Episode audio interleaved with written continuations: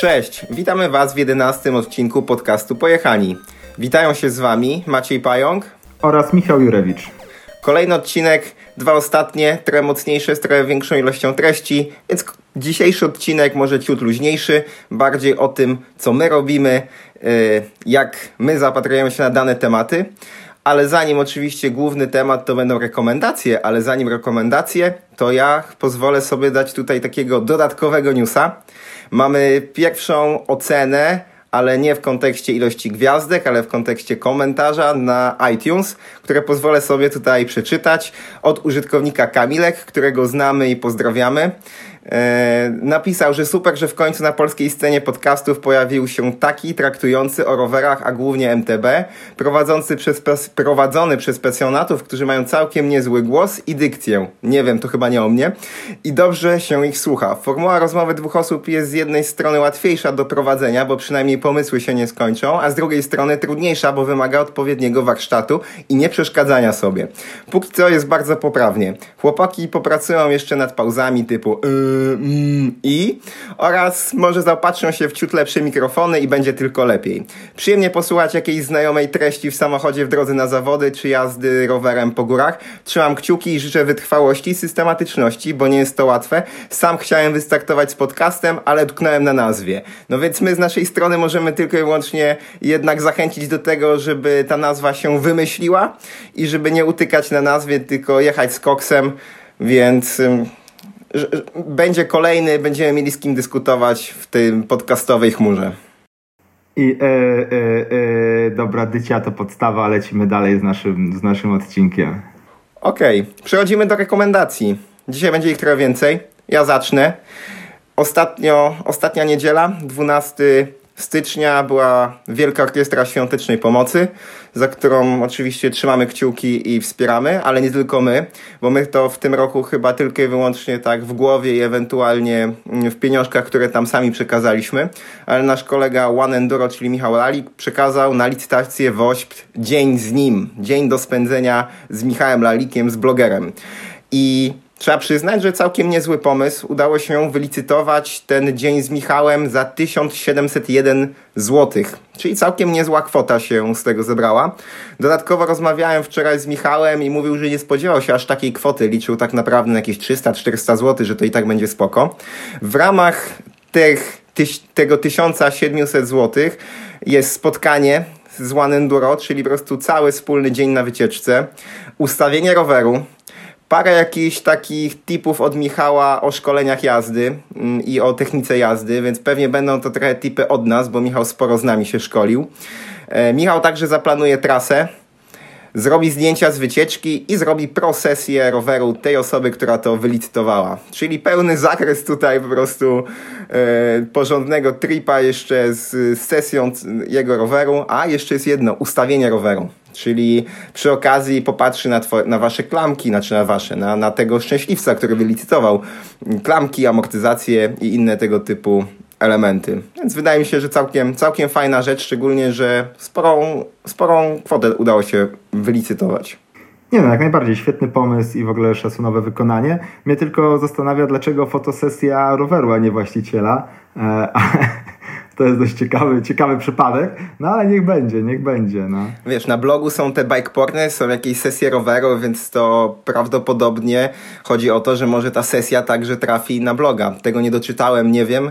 Może tak jest, może nie. Może to są po prostu zdjęcia pod poduszkę dla tej osoby, która to wylicytowała, żeby za 10 lat popatrzyła, Boże, na jakim szrocie jeździłem. Tak, ale to to tak naprawdę mogła być dobra inwestycja, tak? Bo to, to jest 1700 zł. Jak będą dobre zdjęcia potem na Allegro do sprzedaży tego roweru, to te 1700 zł wróci z powrotem jeszcze z nawiązką, bo to może być jak w samochodach, więc to myślę, że to była dobra inwestycja, a nie akcja charytatywna. Akcja charytatywna przy okazji. Okej. Okay. Kolejne rekomendacje twoje. Słucham. Ja tylko jeszcze tutaj powiem takie lekkie dopowiedzenie, że nagrywamy ten odcinek z takim bardzo dużym wyprzedzeniem i najprawdopodobniej jak już tutaj słuchacze to odsłuchujecie, to najprawdopodobniej możecie już zobaczyć tą sesję tego roweru i, e, i relację z tego wykupionego tutaj na tej aukcji, nie? Mówisz pan, że... Nie, nie, no nie sądzę, bo zakładam, że ta aukcja, mm, ona zdarzyła się tu i teraz, zakończyła kilka dni po wielkim finale ale myślę, że ktoś się umówi z Michałem raczej w jakiś cieplejszy dzień niż styczniowy czy lutowy weekend. Myślę, że to tak na sezon przejdzie. Tak przynajmniej mi się wydaje. Mam nadzieję, że to nie jest tylko i wyłącznie kwestia tego, że masz zamiar w czerwcu opublikować ten odcinek, że będzie dużo szybciej jednak. Aż tak długo nie będziemy czekać, tylko myślałem, że może tam od razu pójdą z koksem, już będzie można zobaczyć, ale rzeczywiście masz rację, że najprawdopodobniej gdzieś to będzie sobie czekać na porządną letnią wycieczkę, chociaż teraz na razie warunki do jazdy są takie, że wcale nie ma takiej konieczności czekania. No ale pożyjemy, pożyjemy, zobaczymy. W każdym bądź razie ja tu jeszcze raz y, gratuluję i pomysłu, i wykonania, i wielki szacun tutaj dla, dla Dalika i, i dla gościa czy gościowy, która, który to wygrał tą licytację. Mm. Okej, okay, dobra, to ja przechodzę do następnej rekomendacji i hmm, zanim ja zacznę swój kącik kulinarny, być może tutaj kojarzycie te nagrody Design e, Award e, organizowane przez Enduro Magazine, taki portal serwis internetowy, który robi dość ciekawe nagrody takie dla różnych produktów z branży tutaj rowerowej, które się wyróżniły ciekawym designem w ostatnim sezonie. I tutaj ostatnio Trust, czyli widelce Trust Performance, których jesteśmy dystrybutorami jako EMTB, e, zgarną taką nagrodę. Raczej tutaj brak zaskoczenia, no bo jeśli tutaj ma być nagradzany nietypowy design, zupełnie nowe, świeże podejście do, do rozwiązywania problemów w MTB, no to lepszego kandydata niż widelce Trust tutaj nie było. To przy okazji tego, jak już mówimy o trustach, to myślę, że możemy zapowiedzieć akcję promocyjną, która akurat od lutego będzie miała miejsce, na którą się zdecydowaliśmy. Akcja wygląda tak. Jeżeli macie swój widelec amortyzowany, który działa, na którym po prostu jeździcie, to możecie wysłać do nas ten widelec, a w zamian otrzymacie spory rabat na zakup Trasta. Jeżeli wyślecie do nas widelec działający, który jest w, nie w standardzie boost, czyli nie wiem, ma ośkę albo 20 albo 15, ale nie boosta, dostaniecie rabat 1000 zł na ten widelec. Jeżeli macie działający widelec amortyzowany, ale w standardzie boost, to dostaniecie 2000 zł rabatu na ten widelec, więc wydaje nam się, że całkiem spoko opcja, szczególnie, że 2000 na Allegro zaużywany widelec z boostem może być ciężko nagle dostać, szczególnie jak może nie jest pierwszej świeżości, ale po prostu działa. A tutaj dzięki akcji Trusta, w której też bierzemy udział, będzie możliwość zakupienia tego świetnego widelca po prostu z dużym, mocnym upustem. No tak, no bo to jest 20% rabatu. Myślę, że korzystna oferta. Więc jak ktoś się zastanawia nad Trustem, to myślę, że właśnie lepszego momentu nie będzie.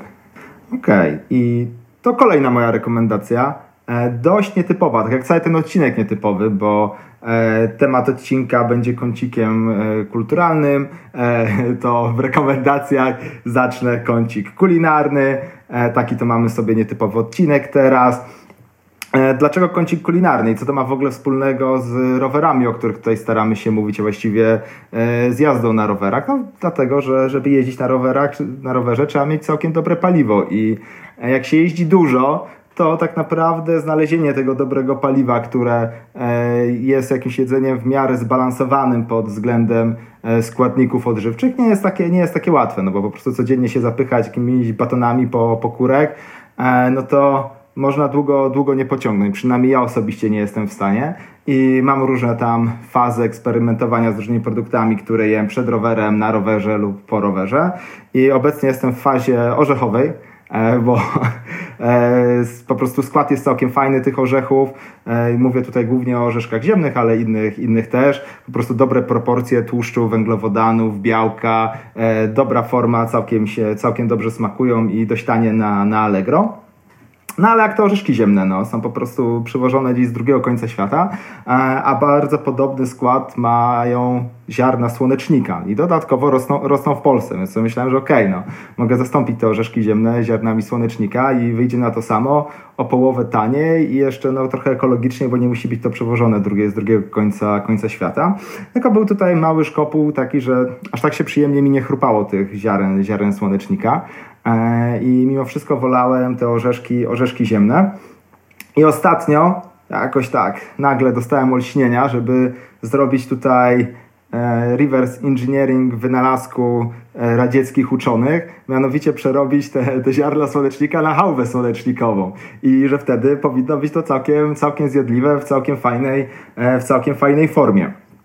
I rzeczywiście tak było. Tutaj nie będę, bez przedłużania powiem, że przerobienie słonecznika na hałwę słonecznikową okazało się strzałem w dziesiątkę i rzeczywiście teraz się zażeram na rowerze czy po rowerze tą hałwą słonecznikową robioną samemu w domu, dzięki czemu jest tania i dobra, bez żadnych jakichś tam dodatkowych dziwnych, dziwnych składników. I jak ktoś lubi tego typu rzeczy, hałwę, szczególnie jak nie wiem, może pamięta gdzieś przywożoną z Moskwy e, hałwę słonecznikową, która miała i konsystencję, i kolor zmurszałego betonu, to jak najbardziej jest to co. I, I mu to smakowało, to jak najbardziej jest to coś godnego wypróbowania, szczególnie, że co mnie zaskoczyło, bardzo łatwo jest zrobić. Więc teraz tutaj przechodzę do przepisu kulinarnego, jak zrobić samemu hałwę słonecznikową. Więc tak, najpierw kupujemy słonecznik na Allegro, cena około piątki za kilogram, więc jest tanio Wrzucamy pół kilo na dużą patelnię, 8 minut lekko podprażamy, rozgrzewamy, będzie się lepiej, lepiej obrabiać. Potem to ziarno należy przemielić. Najlepszy rezultat, jak wrzucimy to szybko do maszynki do mięsa na drobnym sitku. Potem to, co wyjdzie z tej maszynki do mięsa, jeszcze tak zwaną żyrafą przemielimy na drobną ciapę, włożymy do jakichś pudełek, ubijemy drewnianą łychą, tak dość konkretnie trzeba to, to, to ubić, żeby to miało fajną, twardą konsystencję. Potem jak ostygnie i się zestali, no i gotowe można potem zażerać. Jak ktoś chce bardziej takie wyszukane, tutaj mieć batony hałwowe, to oczywiście można gdzieś tam polać czekoladą, dodać jakieś żurawiny, pistacji i tak dalej, i tak dalej. Potem już droga wolna, ale ja rzeczywiście głównie zostaję ze względu na tego, że nie chcę się kombinować z najprostszą sowiecką metodą, czyli po prostu zjadania hałwy słonecznikowej z hałwą słonecznikową. Okej, okay, brzmi ciekawie, nie jestem jakimś wielkim fanem hałwy, chociaż parę takich jakichś ciekawszych, ale nawet nie wiem z jakich dokładnie składników mm, mi smakowało. Pamiętam, że Znowu w Izraelu zajadaliśmy się jakąś całkiem niezłą hałwą, więc spoko. Na pewno spróbuję jak do Ciebie przyjadę, zobaczę, może też się skuszę. Tutaj jedna uwaga, że najczęściej spotykana hałwa jest hałwą sezamową i tą, którą jedliśmy w Izraelu raczej była hałwą sezamową. E, nie ma tak fajnego składu jak hałwa słonecznikowa, więc hałwa hałwie nierówna. No, sezam ma dużo mniej białka, dużo więcej węglowodanów, a właśnie tutaj zastosowanie słonecznika daje stosunkowo dużą, dużą wysokobiałkowość, względnie niską węglowodanowość, oczywiście względnie, bo nadal mówimy tutaj o, e, o orzechach, więc to i tak jest wystarczająco dużo, po prostu te proporcje są najbliższe takiej typowym proporcjom zbalansowanej diety. Ja tylko się jeszcze trochę z Ciebie pośmieję. Jakbyście spotkali w ciągu następnego roku Michała gdzieś na rowerze, to spokojnie możecie go pytać dalej o tą hałwę, czy ma w plecaku, bo Michał jak zaczyna jedną rzecz jeść, to jak jest już spoko, w zasadzie rok, dwa lata, trzy, może jedną rzecz jeść zupełnie bez żadnych po prostu, nawet mu brewka nie tyknie. Więc jak go spotkacie, można śmiało pytać, czy ma ze sobą hałwę i czy was poczęstuje.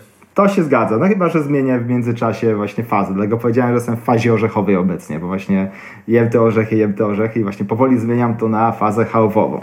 Myślę, że rekomendacje mamy za sobą. Całkiem nieźle wyszło, tym razem więcej niż jedna. Myślę, że jest duża szansa, że tak będzie w kolejnych odcinkach.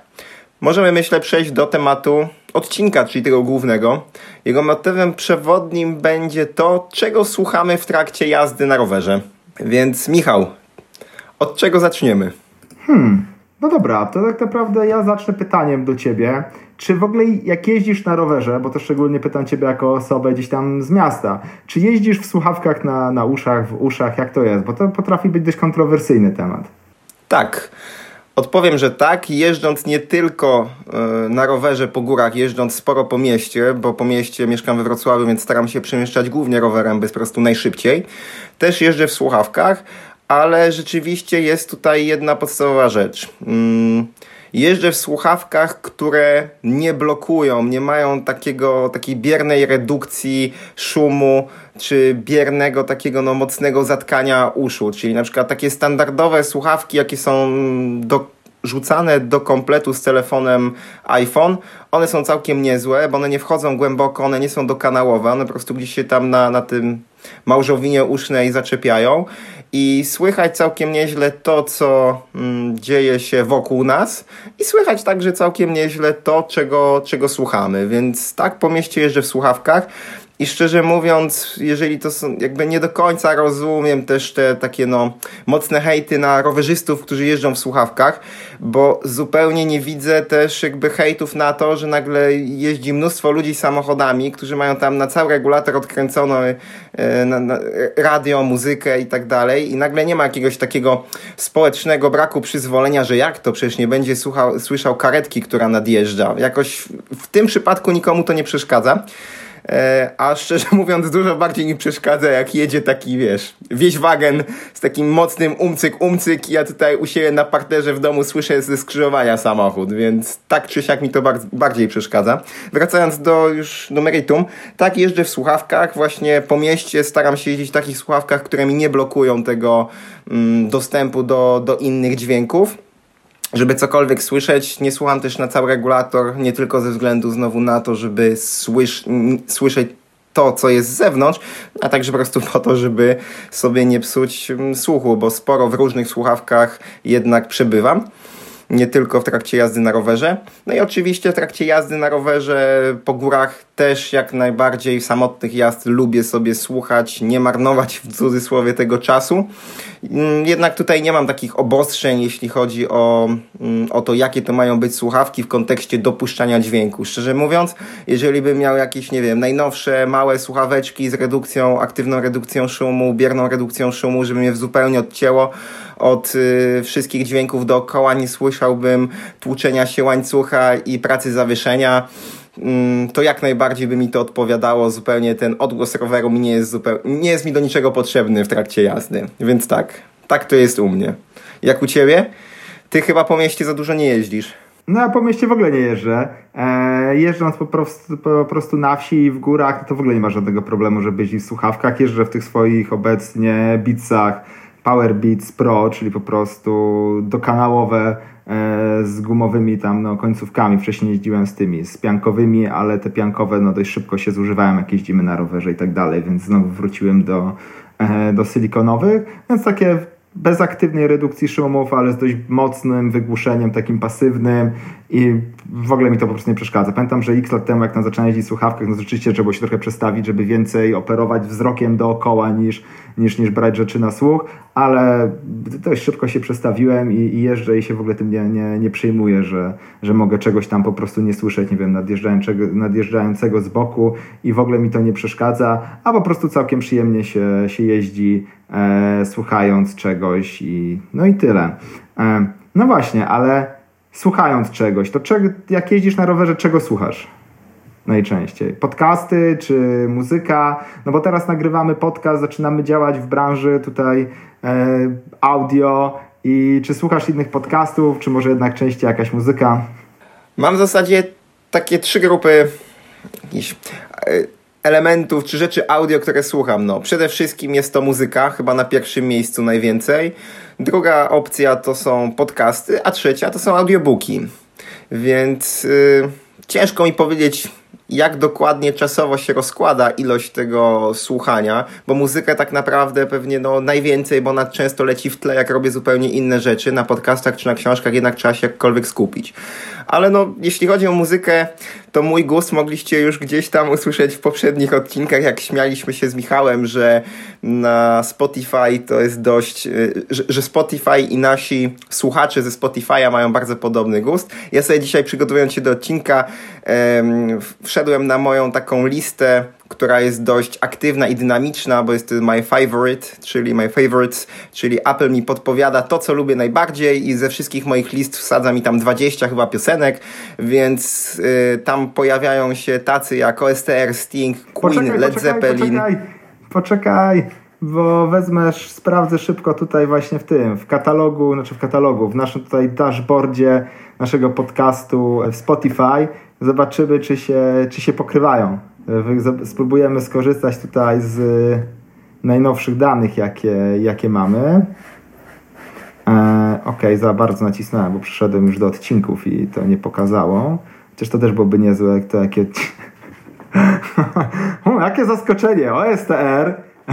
Tak? Chwilę, tak? Dobrze, to czytam jeszcze raz. OSTR, Sting, Queen, Led Zeppelin, mm, Bass Astral and Igo, Parow Steral, Wonky One, Zbigniew Wodecki, Adele, The Chemical Brothers.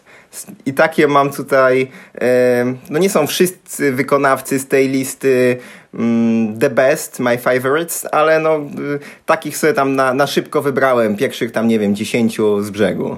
Któreś się pokryły? Mm, tylko OSTR, bo czytam, co jest tutaj na Spotify'u, jeśli chodzi o statystyki naszych, naszych słuchaczy. E, Dawid Podsiadło, Metallica, OSTR, Paluch i PZ. Okej, okay, no to jeszcze Dawid Podsiadło razem... A nie, to Dawid Podsiadło też na pewno jest dość często u mnie, mimo tego, że teraz go nie ma na tej liście, dość często go odtwarzam.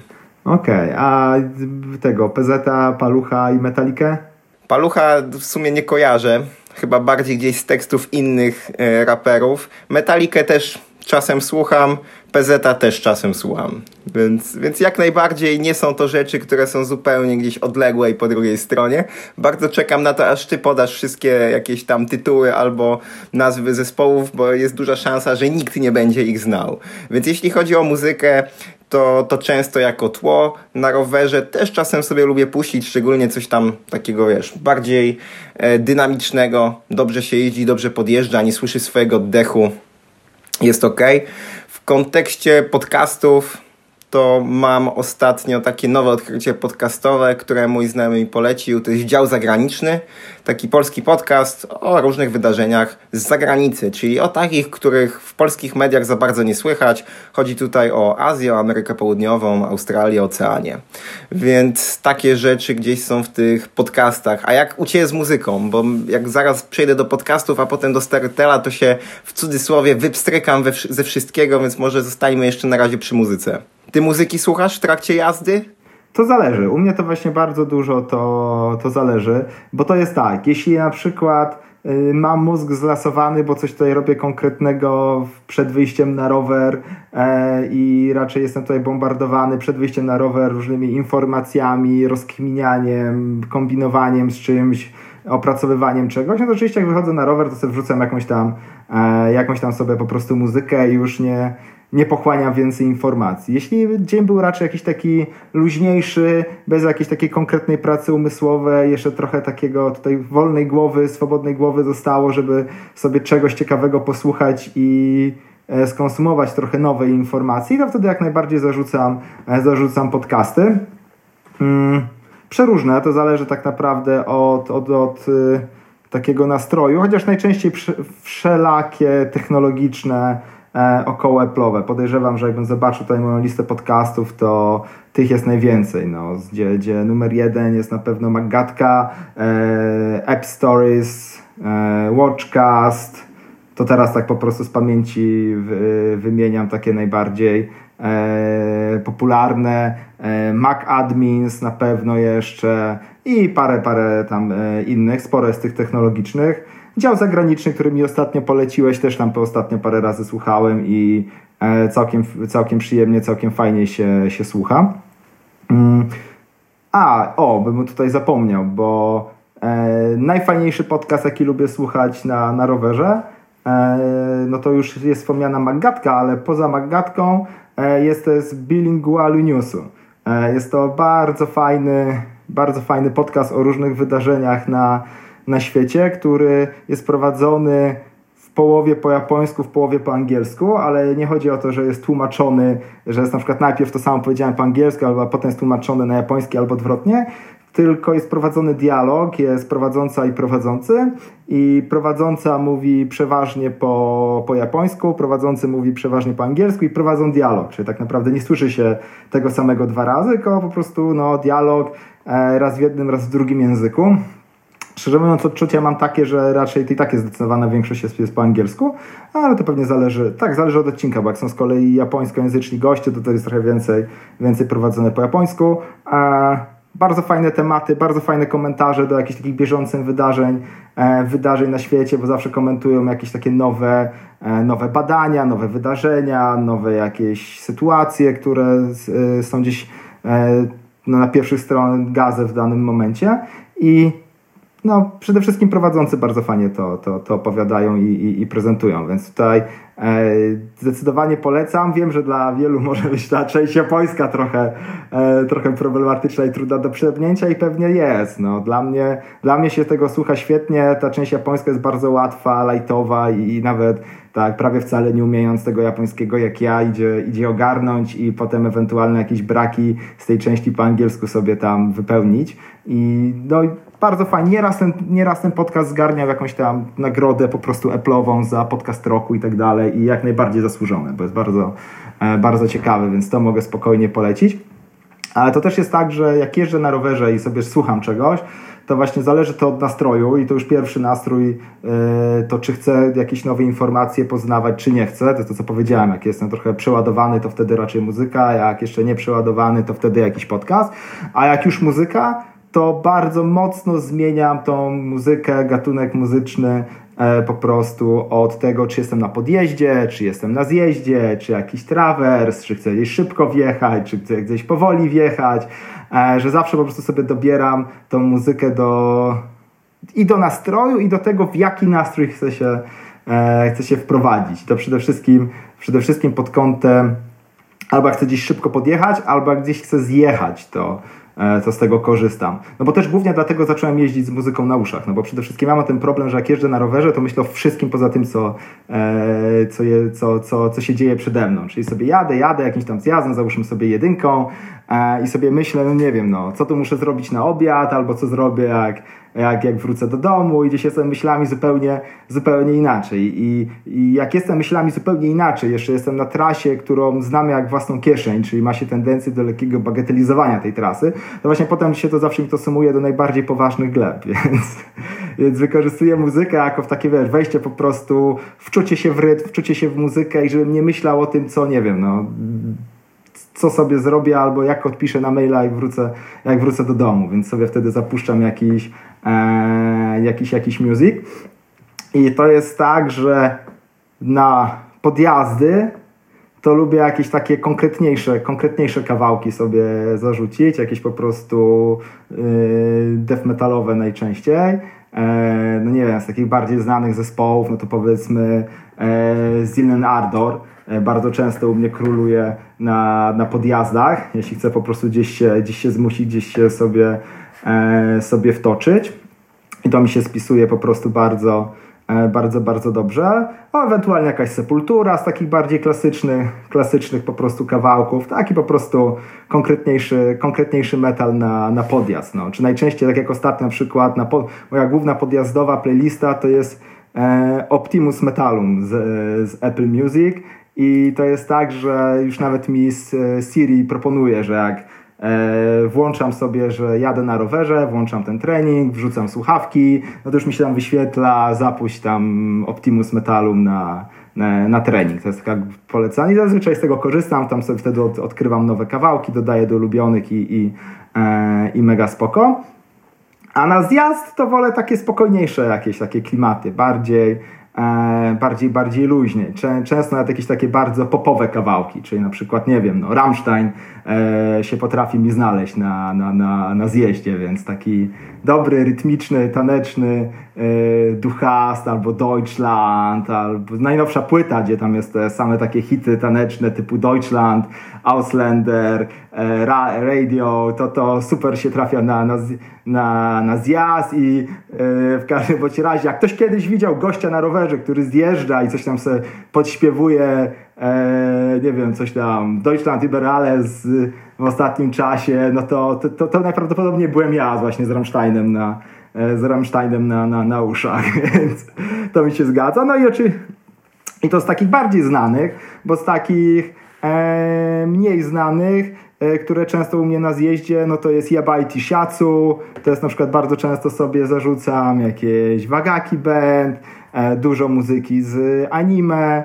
E, więc dużo, dużo takich właśnie luźniejszych, luźniejszych rytmów. To, to, to są na, na zjazdy. Z kolei jak chcę zrobić podjazd, ale nie, że się wtoczyć, nie wiem, trzeci raz na wysoki grzbiet, tylko chcę po prostu tak rekordowo szybko wjechać na, na górę, czyli na przykład highway i żeby być na początku jedynki poniżej 50 minut, no to wtedy potrzebuję jakiś dobry soundtrack i tutaj dobry soundtrack z anime z shonenów jest niezastąpiony, czyli jakiś tam Dragon Slayer, Fairy Tailu i w 45 minut jestem na górze, no wtedy, wtedy to jest niezastąpione. Liczę na to, że przygotujesz taką listę dla naszych słuchaczy, umieścimy ją w notatkach do podcastu. Taki the best of na podjazd, na zjazd i tak dalej. Oczywiście z tych takich mniej znanych, że Rammsteina mam nadzieję, że tam nie będzie, bo wszyscy znają, ale, mm, ale te wszystkie inne dziwne nazwy, które przed chwilą powiedziałeś, liczę, że będzie. Okej, okay. no ale jak już załóżmy, nie jesteś sfilcowany i teraz masz te podcasty, to pytanie takie, no nie słuchasz rowerowych podcastów na rowerze? Też jak najbardziej. Nie aż, paradoksalnie nie aż tak dużo na rowerze. To jest ciekawostka, że te rowerowe często słucham sobie przy, e, przy innych okazjach, ale na rowerze też się, e, też się zdarza. I tutaj moje e, trzy ulubione, które jak coś to, to, to słucham i tak naprawdę każdy odcinek od jakiegoś czasu przesłuchuję i zdecydowanie polecam. E, no to jest tak, na pewno ten podcast serwisu Single Track, to już o tym e, wspominaliśmy nieraz, zdecydowanie godne, e, godne polecenia. E, też podcast serwisu Vital MTB. Tam jest dużo fajnych wywiadów z jakimiś zawodnikami czołowymi Pucharu Świata czy ogólnie sceny grawitacyjnej. Czyli The Inside Line. Tak, dokładnie. A to właśnie nie pamiętam z dokładnych tytułów, tylko skąd i, i, i, tyle.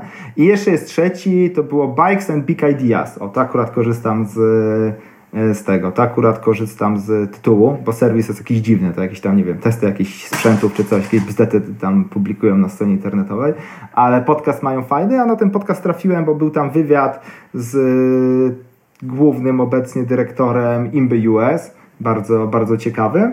I, no i potem po prostu po tym przesłuchaniu tego jednego odcinku tak naprawdę przesłuchałem parę kolejnych i często poruszałem bardzo ciekawe tematy, też zdecydowanie e, godne sprawdzenia. Więc jak ktoś chce sobie tematy rowerowe posłuchać, to te trzy anglojęzyczne, to są wszystkie trzy są anglojęzyczne i jak najbardziej, jak najbardziej polecam.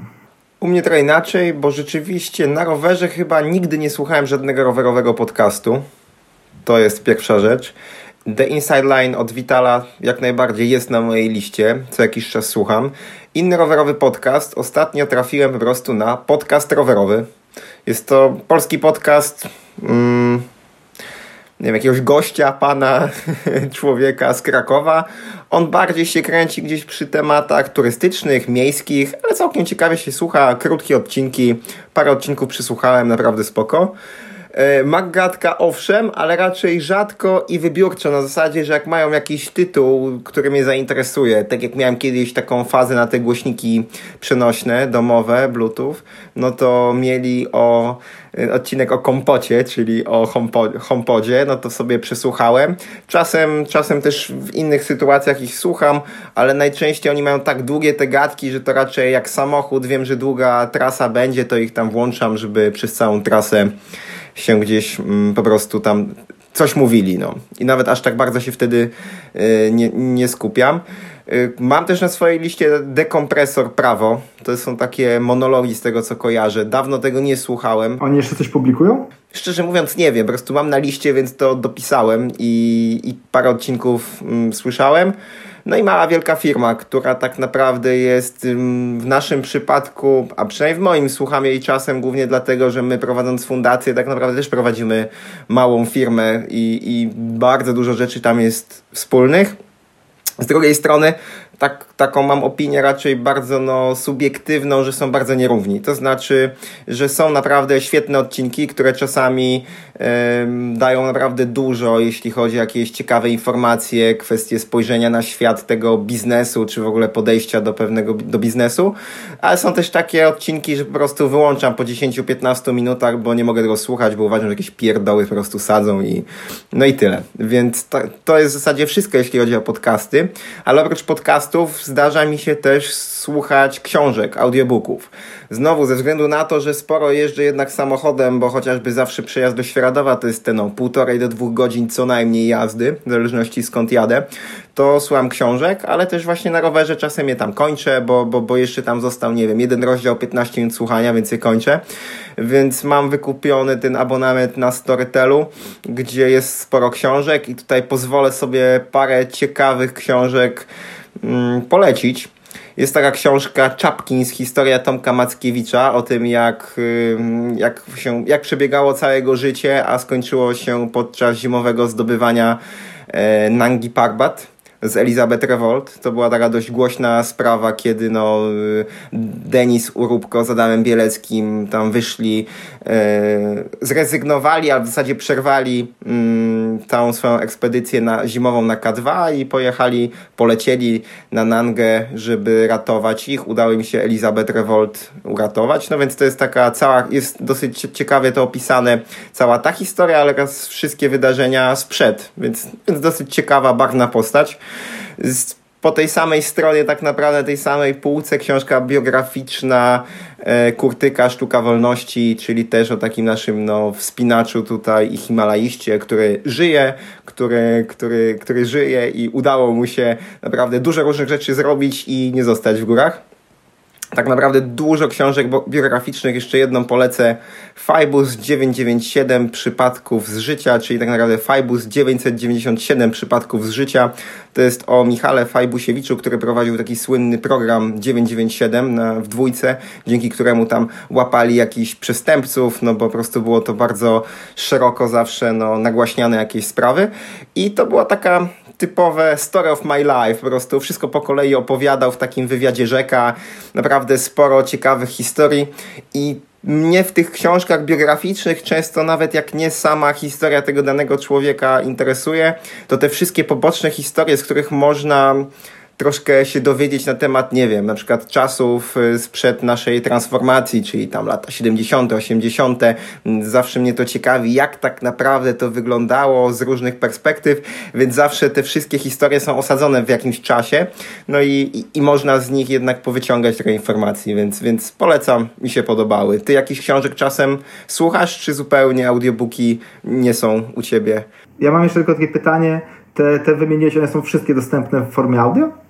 No tak, mówiłem o nich dokładnie, te, które słuchałem, jest ich dużo więcej, a te są dostępne. Jest sporo nowych książek, które są dostępne w formie audio. Ja nie znoszę tej formy. Ja po prostu nie, nie znoszę. Nie wiem, czy te przypadki, do których kiedyś próbowałem wystartować, były tak beznadziejnie zrealizowane, czy coś. Nie wiem, czy jak to jest czytane, to po prostu, czy się ta forma nie, nie, nie zgadza. Mam mam trochę taki sam dysonans bardzo duży, jak się czyta dramat, który był, wiesz, przedstawiony, jakby był e, wyprodukowany, napisany do przedstawiania na scenie. Jak to się czyta, to się to czyta po prostu beznadziejnie, bo jakby forma, forma medium nie zgadza się z intencją twórcy, tak? Ja po prostu słuchając książkę mam ciągle ten sam dysonans, że widać, że to jest nie ta forma, nie do tego, nie do tego medium i, i bardzo źle mi się to e, słucha. Okej, okay, w 100% rozumiem, bo na pewno jest dużo książek, które włączyłem i od razu wyłączyłem, bo dokładnie miałem takie same odczucia. E, na tym Storytelu jest sporo książek, które są zrealizowane przez aktorów, to znaczy czytają to aktorzy, więc jest naprawdę całkiem nieźle. Trafiłem na jakieś wykłady czytane przez czubówne, więc w zasadzie to wiesz, jest zupełnie przyjemność niemalże słuchać wtedy.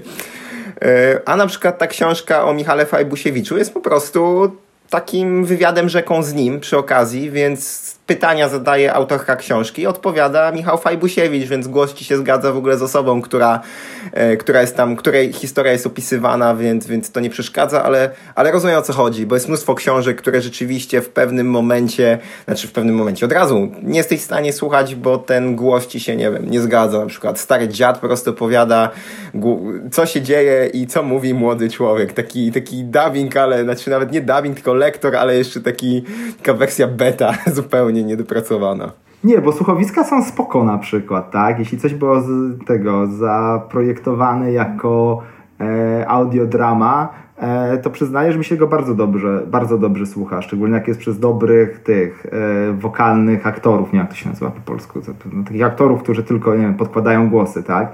Jak to jest przez nich realizowane, to jest to naprawdę spoko. Ja ostatnio właśnie odkryłem ten gatunek, znaczy ja wiedziałem, że on istnieje, on istnieje w Japonii, jest bardzo mocny, tak? Ale nigdy jakoś się z tym nie, nie, nie spotkałem. ale z racji tych takiej muzyczki bardziej luźnej na zjazd trafiłem na e, wirtualnych raperów japońskich i tam mieli zawsze po kawałkach na płycie, bo były tam różne te, różne division, tam Osaka Division, tam Shibuya Division i tak dalej, tam jest tam bardzo dużo tych płyt było i albumów. I te albumy zazwyczaj się kończyły e, takim rozdziałem słuchowiska, tak, że tak naprawdę, nie wiem, no, 30 minut muzyczki i potem była jeszcze godzinka słuchowiska tak naprawdę na tych, na tych albumach. E, I te słuchowiska były naprawdę mega spoko zrealizowane, bardzo dobrze się ich słuchało i właśnie wtedy odkryłem, że takie słuchowisko, jak jest dobrze zrealizowane, jest, jest naprawdę fajne, ale ciężko jest znaleźć takie dobrze zrealizowane słuchowisko, takie, które mi się przyjemnie, przyjemnie słucha. Więc no do książek, do książek nie, nie startuję, bo jestem trochę, trochę zrażony do audiobooków. Poza tym i tak moja już lista do słuchania jest tak długa i szeroka, że jakbym do tego książki dorzucił, no to oh my god, to wiesz, czasu, czasu by nie wystarczyło. Dużo jeżdżę na tym, dużo jeżdżę na tym rowerze, no ale tak jak mówiłem, na przykład nie jestem w stanie, znaczy nie, w stanie jestem, tylko nie jest to przyjemne, żeby na przykład zjeżdżać z podcastem, tak? Czy domyślam się, że z audiobookiem też było, nie, byłoby to fajnie, więc znowu wracam do tego, że sobie wrzucę nawet jak słucham na podjeździe jakiegoś e, podcastu, no to na zjazd sobie wrzucam jakąś, jakąś muzyczkę. No i tu jeszcze wrócę do ciekawej muzyczki, która jest związana z jakimś tam e, właśnie nastrojem, charakterem, no to jak jeżdżę, jak jeżdżę teraz zimą, częściej jakieś night czy coś, no to sobie wrzucam właśnie taką kolekcję soundtracków z Initial D. To, to było takie Mm, to jest to anime o drifcie, takie mega oldschoolowe, gdzie zazwyczaj jak to, jak to wszystkie te driftowe walki, wyścigi się toczyły w nocy na przełęczach, no to się dobrze udziela ten nastrój. Ta muzyka bardzo dobrze oddaje nastrój właśnie, wiesz, ruszania na zjazd, szczególnie, że te najbardziej ambitne wyścigi są na zjazdach, a nie na podjazdach, więc, e, więc bardzo dobrze to się udzielał ten nastrój właśnie zjazdów po publicznym szlaku na, na światłach i tak dalej, więc E, nieźle, a też gatunek muzyczny, który jest w tych soundtrackach jest dość ciekawy, bo jest to Eurobeat w wersji japońskiej, więc e, dość, dość takie... Chociaż Eurobeat to bardziej twoje klimaty, te całe italiano, disco i tak dalej, no bo to jest bardzo blisko bardzo blisko tego, tylko po prostu trochę, trochę przyspieszone, trochę doenergetyzowane, jeszcze w wersji lat 90. w Japonii, więc tak, dla koneserów. Okej, okay, ale teraz właśnie mi dobrze, dobrze zasugerowałeś, bo czeka mnie kilkanaście godzin lotu w jedną, w drugą stronę. Na pewno nie będę w stanie i słuchać jakichś, nie wiem, podcastów czy audiobooków, ani czytać cały czas, bo, bo głównie pewnie będę czytał. Więc myślę, że sobie e, pobiorę offline te odcinki, które już mi kiedyś udostępniłeś, tego, tego anime o drifcie i, i postaram się w kolejnym odcinku Ci powiedzieć, czy mi się podobało. To jest pierwszy sezon, tam masz udostępniony pierwszy, e, pierwszy sezon, który jest realizowany bardzo spartańsko, ale tam trzeba przymknąć oko na realizację i się zanurzyć, e, zanurzyć w historię. No ja nie jestem wielkim fanem sport shonenów, to raczej Agnieszka jest sport, sport od sport shonenów, ale to jest jeden z nielicznych sport shonenów, który uważam za arcydzieło. Okej. Okay. Nie wiem o czym mówisz, e, ufam ci na, wierzę ci na słowo. No, sport shoneny są to, wiesz, anime dla małych chłopców z gatunków, wiesz, sportowych, no. Tak, Kapitan Tsubasa, to może być znane, bo to u nas występowało, nie wiem, na RTL 7 czy czymś takim, więc to może, to wkopali w nogę, no. Wiem że, wiem, że to występowało w czasach naszej młodości w polskiej telewizji. Nie wiem, czy to w ogóle jest z tamtych rejonów, ale kojarzy coś takiego jak jakiś Yataman? To jest też anime, czy nie? Brzmi, tytuł tak trochę brzmi, ale ja nie, nie znam, tego nie znam. Okej, okay, coś masz jeszcze do dodania w kontekście słuchania czegoś na rowerze? Jakiś sprzęt, bo myślę, że możemy jeszcze powiedzieć coś o sprzęcie do słuchania, szczególnie, że trochę tych różnych rzeczy razem, razem w sensie, że, że, że jak powiemy o naszych wspólnych doświadczeniach, to może parę ciekawych e, po prostu tipów damy, jeśli chodzi o to, na czym słuchać tej muzyki, a w zasadzie co sobie wsadzić na uszy, w uszy, żeby było wygodnie na rowerze. Ja próbowałem no, parę różnych rozwiązań. E, mam też słuchawki, które zupełnie na rower się nie nadają, ale najchętniej bym jakoś je tam zaimplementował na rower i byłoby w ogóle super. Jednak myślę, że takie wielkie nauczne słuchawki na rower nigdy nie będą spoko, jeżeli mamy mieć na głowie kaski. One mają nie spadać w trakcie jazdy.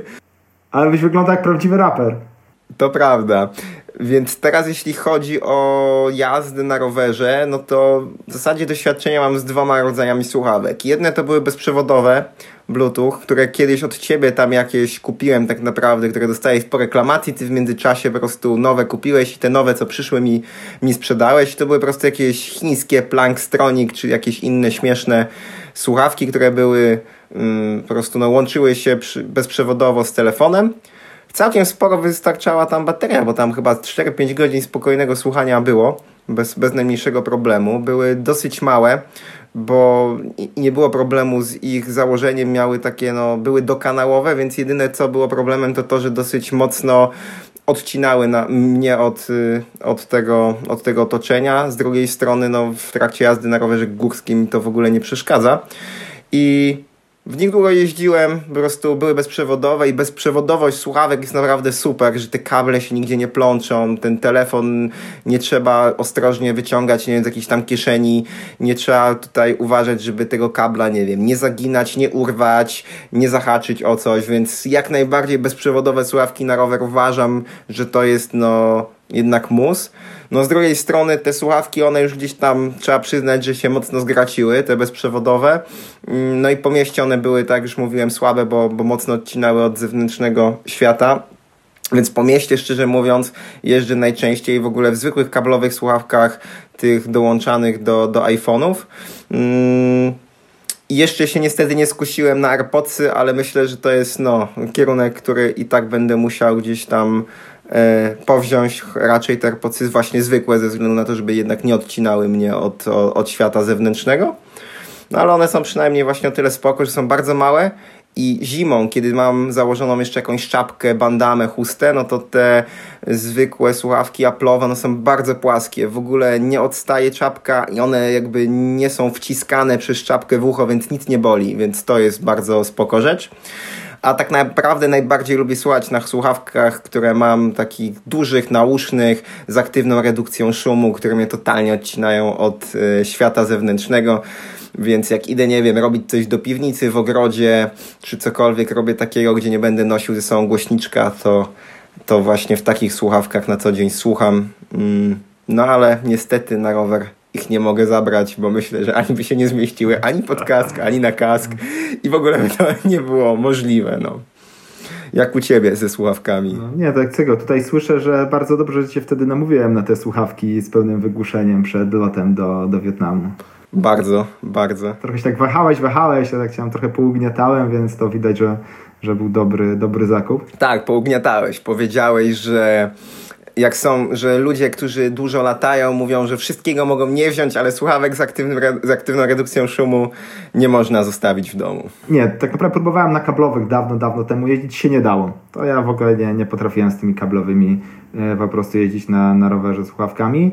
E, potem miałem różne bezprzewodowe słuchawki, właśnie te, te Plaktronics, potem jakieś e, inne firmy, bardziej markowe, bardzo markowe, drogie, tanie, wszystkie zdychały po prostu po chwili. Wszystkie no, w ogóle nie wytrzymywały jazdy na rowerze. Strasznie dużo. Za, no, zazwyczaj takie koło 8 stówek tysiąca kupowałem. Wszystkie się po prostu wykrzaczały bardzo, e, bardzo, bardzo szybko. I aż do czasu, kiedy wyszły, jak wyszły AirPodsy Apple'owe, to te AirPodsy raczej odrzuciłem, no bo ich tam, nie wierzyłem w ich trzymanie się po prostu w uchu na, na w kwestie terenowe. E, ale wyszły równocześnie Beats, Beats X, Beats X, jakkolwiek się to czyta.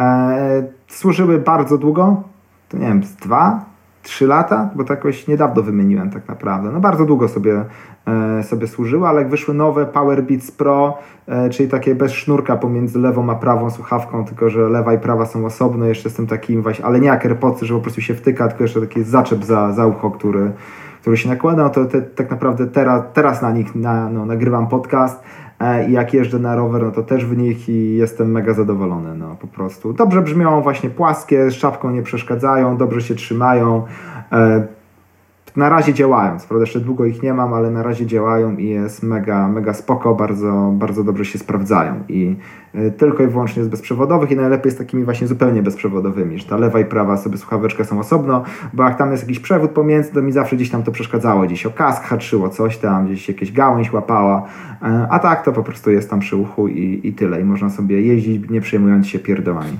Okej. Okay. Mam nadzieję, że cokolwiek Wam to pomogło. Może się zastanawiać nad takimi słuchawkami, to przynajmniej zwróciliśmy uwagę na to, co nam przeszkadza w słuchawkach, więc będziecie mogli jakoś z, większym, z większą świadomością wybrać te słuchawki. Myślę, że temat, y, czego słuchamy, jak słuchamy, musimy zakończyć. Szczerze mówiąc, myślałem, że go dużo szybciej zrobimy. Zostało nam niewiele czasu, żeby jeszcze przejść do naszego ostatniego tematu mm, i części podcastu, czyli do pytań od słuchacza. Mamy tak naprawdę dwa zaplanowane. Pierwsze jest od Pawła, któremu już w zasadzie odpowiedzieliśmy e, na jego, na jego pytanie na Facebooku, które do nas wysłał, ale myślę, że mm, możecie się też zastanawiać, co sądzimy o Trutnow Trails, czyli o trasach, które są zbudowane, wykonane gdzieś koło Trutnowa.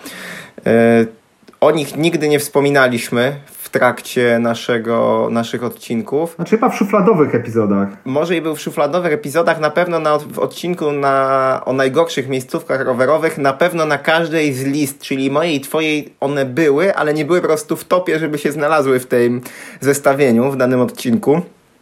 Więc... E, myślę, że, że, że, że już wiecie, że wcale aż tak bardzo nam się nie podobają. Historia jest taka w zasadzie, że byliśmy tam w 2015 roku na Trail Building School organizowany przez y, Czembę, czyli przez taki odpowiednik Pomby w Czechach. Mm, I oczywiście tam też była Imba Race Solution, czyli Mark McClar i Gary Hampson, którzy mm, uczyli nas, jak projektować, jak budować zrównoważone trasy rowerowe. I to wydarzenie właśnie miało miejsce na Trutnov Trails i problemem problemem. Tak naprawdę już było zapowiedziane, że są fajne trasy, że jest ich całkiem dużo, że są ciekawie wykonane, że piękne widoki i tak dalej. Był zrobiony do nich całkiem niezły marketing, to znaczy zapowiedź tych tras była taka naprawdę mocno obiecująca. No oczywiście na ten cały TBS pojechaliśmy z rowerami, żeby po tych trasach pojeździć. No i trzeba przyznać, że byliśmy lekko mówiąc rozczarowani tymi trasami. E, opowiedz Michał, co nas najbardziej rozczarowało? No nie wiem, ja mogę powiedzieć, już nie pamiętam, co ciebie najbardziej rozczarowało. Mnie najbardziej rozczarowało to, że to nie było nic, nic specjalnego, tak? Po prostu był jakiś e, podjazd szutrem, jak to podjazd szutrem, potem jakieś achy i ochy, super trasa, tak naprawdę było jakiś taki zagrab singiel, ledwo co wykonany, e, nic specjalnego, no. Ani to dobrze nie jechało, ani się tego przyjemnie nie jechało, ani nie było żadnych jakichś fajnych feature'ów, ani nic. No, po prostu taka sobie zwykła ścieżka, tak? Jak, e, jak nie wiem, no, jak na, we Wrocławiu na Osobowicach, no nie no, jak na zajęczniku to trudno powiedzieć, jak, jak jedne z gorszych na zajęczniku, no po prostu nic, nic nadzwyczajnego, a do tego były po prostu mega achy i ochy. Potem była jakaś jedna trudniejsza, która też tak naprawdę nie była niczym, niczym specjalnym, więc tak naprawdę te trasy jakby one były pewnie pośrodku niczego i to byłyby ok, zwykłe trasy. Tak naprawdę najgorsze było e, dla mnie to, że był zrobiony na nie bardzo dobry marketing, bardzo duży, że nie wiadomo co to jest, jakie super, jakie świetne, świetnie wykonane przez świetnych budowniczych, a okazało się jakimś no, strasznym kartoflem. No. I, i tyle. Okej, okay, to ja tutaj jeszcze dokończę historię, bo o, oczywiście teraz z nami jest tak, to już też mogliście się dowiedzieć, że jak już nas coś zawiedzie na samym początku, to nie chce się wracać. No ale miałem okazję wrócić na Trudno w Trails po trzech latach, myślę, spokojnie. To mógł być 2018 rok. I mm, żeby zobaczyć, co tam się stało, co, co jest nowego. Na pewno jest jedna taka nowa, bardzo trudna, techniczna linia po kamieniach, nad którą sporo osób się też no po prostu chciałbym powiedzieć złuszcza, żeby w ogóle przejechać, no bo jest rzeczywiście trudna, są piony, są skały i tak dalej, ale cała reszta jest w zasadzie w dalej niezmieniona. Jest jeszcze tam jeden problem, na który ja trafiłem, że byłem po jakimś mocnej deszczowej nocy, więc po prostu było bardzo dużo błota, czego nie lubię. Jak są już trasy budowane, to oczekuję jednak tego, że jak już gdziekolwiek i tak wbijali tą łopatę, przystawiali kamienie, to można to tak zrobić, żeby tych kałuż i tej wody zalegającej po prostu nie było nigdzie, więc, więc kałuże tutaj znowu mocno obniżyły całą ocenę tych tras. No i trzeba przyznać jeszcze taką jedną rzecz, że zawsze tam w zasadzie, znaczy kolejny raz jak już tam byłem, to byłem tam sam, więc to, więc jak jest się samemu, to znowu się bardzo surowo ocenia te trasy. Nie ma drugiego kolegi, z którym sobie pogadasz, na przykład nudny szutrowy podjazd gdzieś się tam minie niezauważalnie. Więc tutaj nasz kolega Kamil, z którym pracowaliśmy, zwrócił mi uwagę, że jemu się trudno trail spodoba, ale sam przyznał, że w sumie zawsze był z super ekipą i ten, ten wyjazd był naprawdę bardzo udany. Więc, więc w dużym skrócie, no, tego na, na ten trudno więcej za bardzo pewnie wracać nie będziemy chcieli, ja na pewno, więc średnio nam się podoba. E, ciekawe jak wam w dużym skrócie możecie nam napisać pod, odcinku, pod odcinkiem, że oczadziali, oczadzieliśmy, że to są najlepsze trasy w okolicy, więc, więc czekamy na, na wasze komentarze. No nie, mnie tam nie ciągnie, ale pewnie będąc tam w okolicy, nie wiem, gdzieś, bo to jest przecież blisko Lubawki, Chełmska, e, Adrszpachu, gdzie jest dużo fajnych tras, więc może gdzieś tam kiedyś, jak będzie dobra pogoda, zajrzę, ale absolutnie mnie nie ciągnie. No tak jak powiedziałeś, ja już tam drugiej, drugiej szansy nie daję. No. I w dużym skrócie, może i bunkry były, ale zajebiście nie było. No. O, explicit będzie na przy tytule. Jeszcze mamy drugie pytanie, może szybko uda nam się odpowiedzieć. Czy lubimy jeździć poza Dolny Śląsk na rower? Co myślimy o jeździe w Bieszczadach, w Beskidach, poza, poza Sudetami? O, to może ja powiem teraz, zacznę. Mm. Kiedyś bywałem na wschód od Odry. Eee jakoś nie porwało, no. Co tu dużo mówić, no. Jesteśmy rozwydrzeni tutaj w Sudetach, no. Nie, nie twierdzę, że w Beskidach czy w Bieszczadach nie ma fajnych tras, bo, bo są, jak najbardziej. Tylko, i, tylko po prostu ich zagęszczenie jest na tyle skromne, że szczerze mówiąc nie kusi nas, żeby, żeby jeździć. I pamiętam parę fajnych zjazdów właśnie gdzieś w okolicach Bieszczad, w Beskidzie Niskim, w Beskidzie e, i Żywieckim, i Śląskim. Można sobie oczywiście całkiem fajnie, fajnie pojeździć, E, ale szczerze mówiąc jest tego na tyle mało, e, na tyle jest z kolei dużo takich lipnych transferów, tą tak zwaną beskidzką rąbanką, która jest często po prostu no, jakimś korytem z okrąglakami i jeszcze dopóki, soch, jeszcze dopóki jest sucho to spoko, ale jeśli jest jakakolwiek wilgotność, no to w ogóle jest jakaś straszna maziuga i syf, który jeszcze jeździ się po tym jak się jeździ, ale doczyścić to potem z siebie, z roweru to jest jakiś koszmar, e, ta cała glina i taka i tacy pył, obrzydlistwo, więc szczerze mówiąc raczej współczuję tym, którzy tam jeżdżą, niż, niż chciałbym tam jeździć. Jak w Twoim wypadku? Ja jednak czasem się pojawiam tam na wschód od Odry, bo w sezonie raz w miesiącu zawsze robimy szkolenie Wiedź w teren w Bielsku Białej. Więc będąc w Bielsku zdarzyło mi się parę razy po prostu też coś tam pojeździć i są to Beskidy. Trzeba przyznać, że te trasy, te właśnie nie w kontekście tego kompleksu e, Enduro Trails, no bo to, to znowu na, na, na, cały, na cały odcinek moglibyśmy dyskutować. Są tam ciekawe trasy, niektóre mi się podobają, to, to bardziej się wypowiem o tych takich trasach może, które nie są właśnie w Enduro Trails, ale chociażby takie, które pokazywał nam nasz kolega, a mi nasz kolega mm, Romek Kwaśny, czyli jakiś tam e, w okolicach właśnie Wilkowic, mm, koło Bielska. Trzeba przyznać, że są to ciekawe trasy, takie przypominające mi te z, ze Ślęży, czyli też parę jakichś takich nierówności, trochę wyzwań, jakichś takich ścianek, całkiem spoko. No ale szczerze mówiąc, jak nawet mam takie propozycje, pająk, choć pojedziemy do Bielska na rower, choć pojedziemy do Szczyrku pojeździć, no to jakoś kurczę zawsze odmawiam. Nigdy mnie tam nie ciągnie też po prostu, no jeżeli mam jechać dużo dalej niż tutaj u nas Sudety, bo w Sudetach jestem w półtorej godziny, w dwie godziny, a do Bielska jednak te dwie i pół, trzy godziny muszę jechać, a to są w zasadzie chyba no pierwszy, pierwsze dostępne Beskidy od naszej strony, gdzieś tam Beskid Śląski to, to nie, to po prostu nie mam za bardzo ochoty. Trzeba przyznać, że Bieszczady byłem tylko raz i to taki, taki ledwo co tam pojeździłem. Na pewno dałoby się tam coś ciekawego znaleźć, ale ale nic mnie tam jeszcze tak naprawdę nie uwiodło. Może kiedyś poje, pojadę z jakimś lokalesem, tam co, co, coś ciekawego znajdę, ale po prostu no, w dużym skrócie, tak jak powiedziałeś, no, Sudety są na tyle spoko, na tyle nas tutaj rozpieściły i rozwydrzyły, że zupełnie nie mam ochoty, szczególnie, że w samych Sudetach nie mam zjechanego wszystkiego. No, mam takie wyspy, które jeszcze zostały, okolice Lubawki, tego w zasadzie nie jeździłem. Tam właśnie wszystko dookoła Adek Szpachu. Nie, nic nie jeździłem oprócz Mieroszowa, czyli czyli, są takie miejsca, takie plamy, Wielka Sowa też, bardzo blisko Wrocławia, też tam na rowerze nie byłem, no to, bo, bo nawet jak się jeździ, to się jeździ na to, co jest znane, żeby jak najszybciej pojeździć i, i wrócić, więc, więc w dużym skrócie jest mnóstwo tutaj jeszcze plam w Sudetach, które muszę nadrobić, więc tym bardziej nie ciągnie mnie, żeby jechać tam na wschód. No tak, szczególnie, że nie wiem, no ode mnie gdzieś w, te, w okolice jakichś tam pierwszych Beskidów, no to 4 godzinki trzeba się gdzieś kulać, no to w 4 godzinki jadąc w drugą stronę, no to można być gdzieś w okolicach, no tak strzelam, Karlowych Warów, gdzie, gdzie można sobie też bardzo fajnie pojeździć. Można jeszcze dorzucić drugie 4 godzinki i być pod gardą, tak? Więc, więc ogólnie rzecz biorąc, po prostu jeszcze ten do...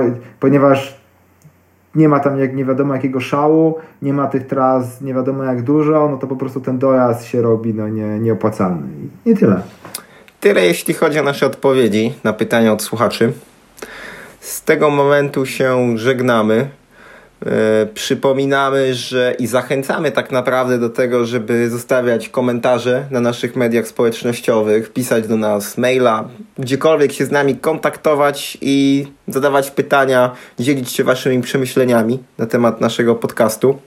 Przypominamy, że znajdziecie nas na Facebooku, podcast Pojechani, na Twitterze, po prostu Pojechani oraz mnie na Facebooku jako Maciej Pająk, na Twitterze jako Maciej EMTB i Michała znajdziecie oczywiście tylko i wyłącznie na Twitterze jako at Michal Jurewicz bez polskich znaków.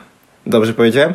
Tak, bardzo dobrze. Dokładnie tam można ewentualnie się ze mną no, skontaktować, zadać jakieś pytanie, coś skomentować, ale chyba i tak najlepiej po prostu przez e, profile pojechanych, czy to na Twitterze, czy, czy na Facebooku, bo to i tak trafi, i tak to trafi do nas, E, a po prostu będziemy wiedzieć, że chodzi tu no, dokładnie o podcast Pojechani, a też będą inne osoby mogły sobie zobaczyć na przykład jakieś ciekawe pytanie czy coś. Zwłaszcza, zwłaszcza zachęcamy do zadawania pytań, żebyśmy mogli tutaj w tej ostatniej części naszej ramówki trochę więcej coś ciekawego powiedzieć. Oczywiście notatki do odcinka na stronie pojechani.emtb.pl Tak, zgadza się.